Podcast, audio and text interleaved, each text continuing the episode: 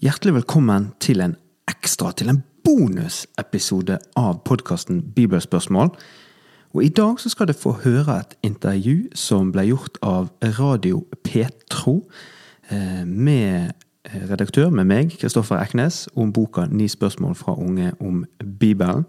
Ta en lytt, og følg gjerne Petro og, og lytt til deg. Der er det veldig mye annet bra å få med seg, så nyt denne bonusepisoden.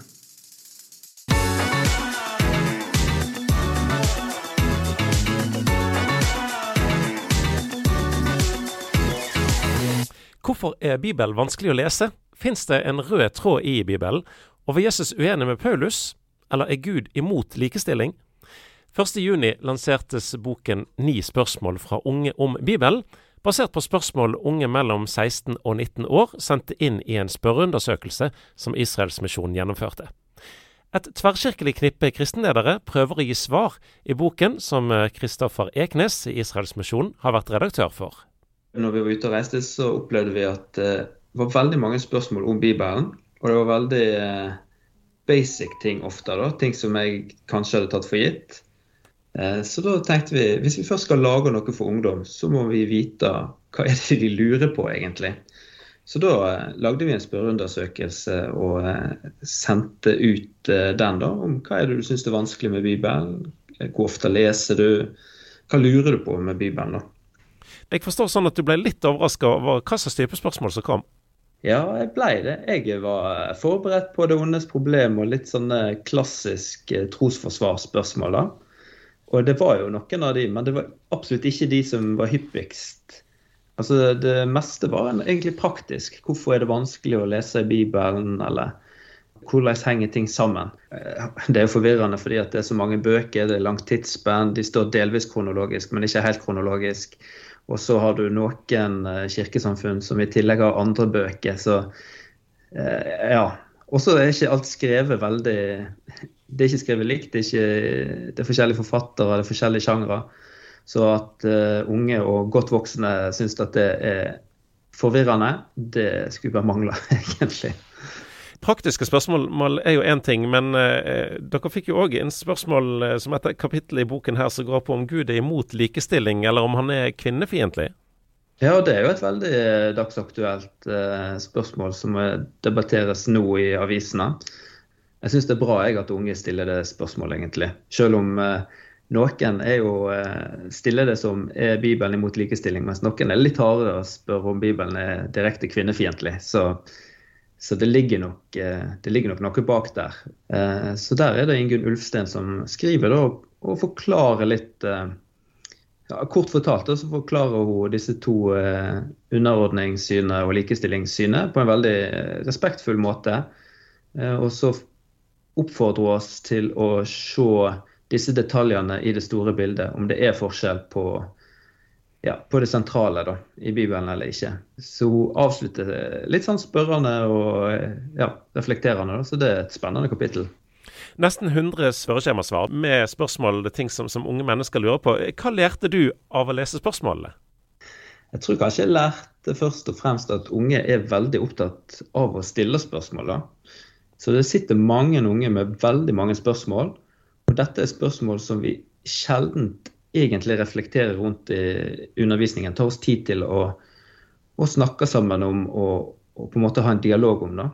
Så det har vært litt utfordrende for min del at kanskje vi bør finne andre undervisningsformer enn den klassiske preika da, når vi snakker med, med, unge. Få til en dialog, det tror jeg. Og det er jo det boka liksom vil få til òg, da. Unge har mange spørsmål. En har vel gjerne ikke så mange arenaer å, å stille dem på? Jeg tror det varierer litt. og Noen er jo flinke til å ha bibelgruppe, ha, ha på en måte lagt litt til rette. Du har I laget så har du jo Grillen kristen, og du har uh, Uncover, som er sånn bibelgruppeopplegg. Der det er meint at en skal stille spørsmål. Eh, men opplagt at vi, vi, har en vei å gå, uh, alle sammen. da. I den ferske boken 'Ni spørsmål fra unge om Bibelen' prøver altså Kristoffer Eknes og flere andre skribenter å svare på noen av spørsmålene som ungdom sitter med. Men er noe bok det riktige mediet å gi disse svarene på i en generasjon der eh, færre leser bøker? Så viser undersøkelsen at eh, folk syns jo kanskje ikke lesing er det aller kjekkeste, da. Så Derfor har vi lagd podkast og video òg til, sånn at en kan eh, få det inn på en eller annen måte, som en vil. da. Du nevnte at unge gjerne ikke nødvendigvis sånn kjempeglad i å lese, og det, det gjelder for Bibelen òg? Ja, det var litt sånn morsomt. Det er noen av disse svarene som er veldig sånn tydelig Eh, hvor ofte leser du Bibelen? Jeg leser ikke. så det er liksom Det er nok en del som syns det er, er vanskelig. Og samtidig så Det som er interessant i det spørreundersøkelsen, er jo at det er mange som oppgir at de leser mindre enn de skulle ønske. Da. Altså at de skulle ønske at de kunne lese mer. Men at de syns det er vanskelig å forstå, eller at det er kjedelig å lese. Eh, så, så, det er jo to utfordringer vi kunne gjort noe med, tenker jeg, da, som kanskje kunne, kunne hjulpe unge til å, å lese mer i Bibelen. Men eh, Kan de to tingene henge sammen? Altså at det er kjedelig å lese fordi at en ikke forstår? Ja, det tror jeg. Absolutt. Men jeg har ikke turt å slå de sammen uh, som de grunner. Men, men jeg tror nok ting blir jo kjedelig når du ikke forstår det. Sånn er det jo. Men eh, Har du eh, gjort deg noen tanker på en måte om hva kan gjøres her for at det skal bli faktisk en, en spennende opplevelse å åpne Bibelen og lese? Ja, så jeg tror det å, å, å ha samtaler, da. Prate i lag om Bibelen. Gjerne følge et opplegg, om det er denne boka eller om det er noe annet. Sånn at en er sammen om det. da. Jeg husker i hvert fall fra min egen sånn ungdomstid når det kom til Bibelen. Jeg syntes jo òg det var grusomt kjedelig, og jeg har sovna utallige ganger eh, med Bibelen i hånda.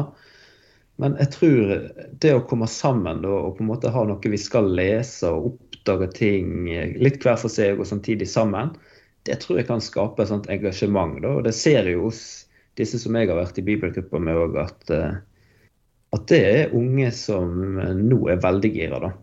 Så, så, jeg tror det er bibelgruppe, god, gammel bibelgruppe. Den er klassiker. Den, den gjør underverk, faktisk. Men du, hvis en opplever det som kjedelig, og en, en, forstår lite av det en leser, hvorfor skal en da bry seg med å prøve?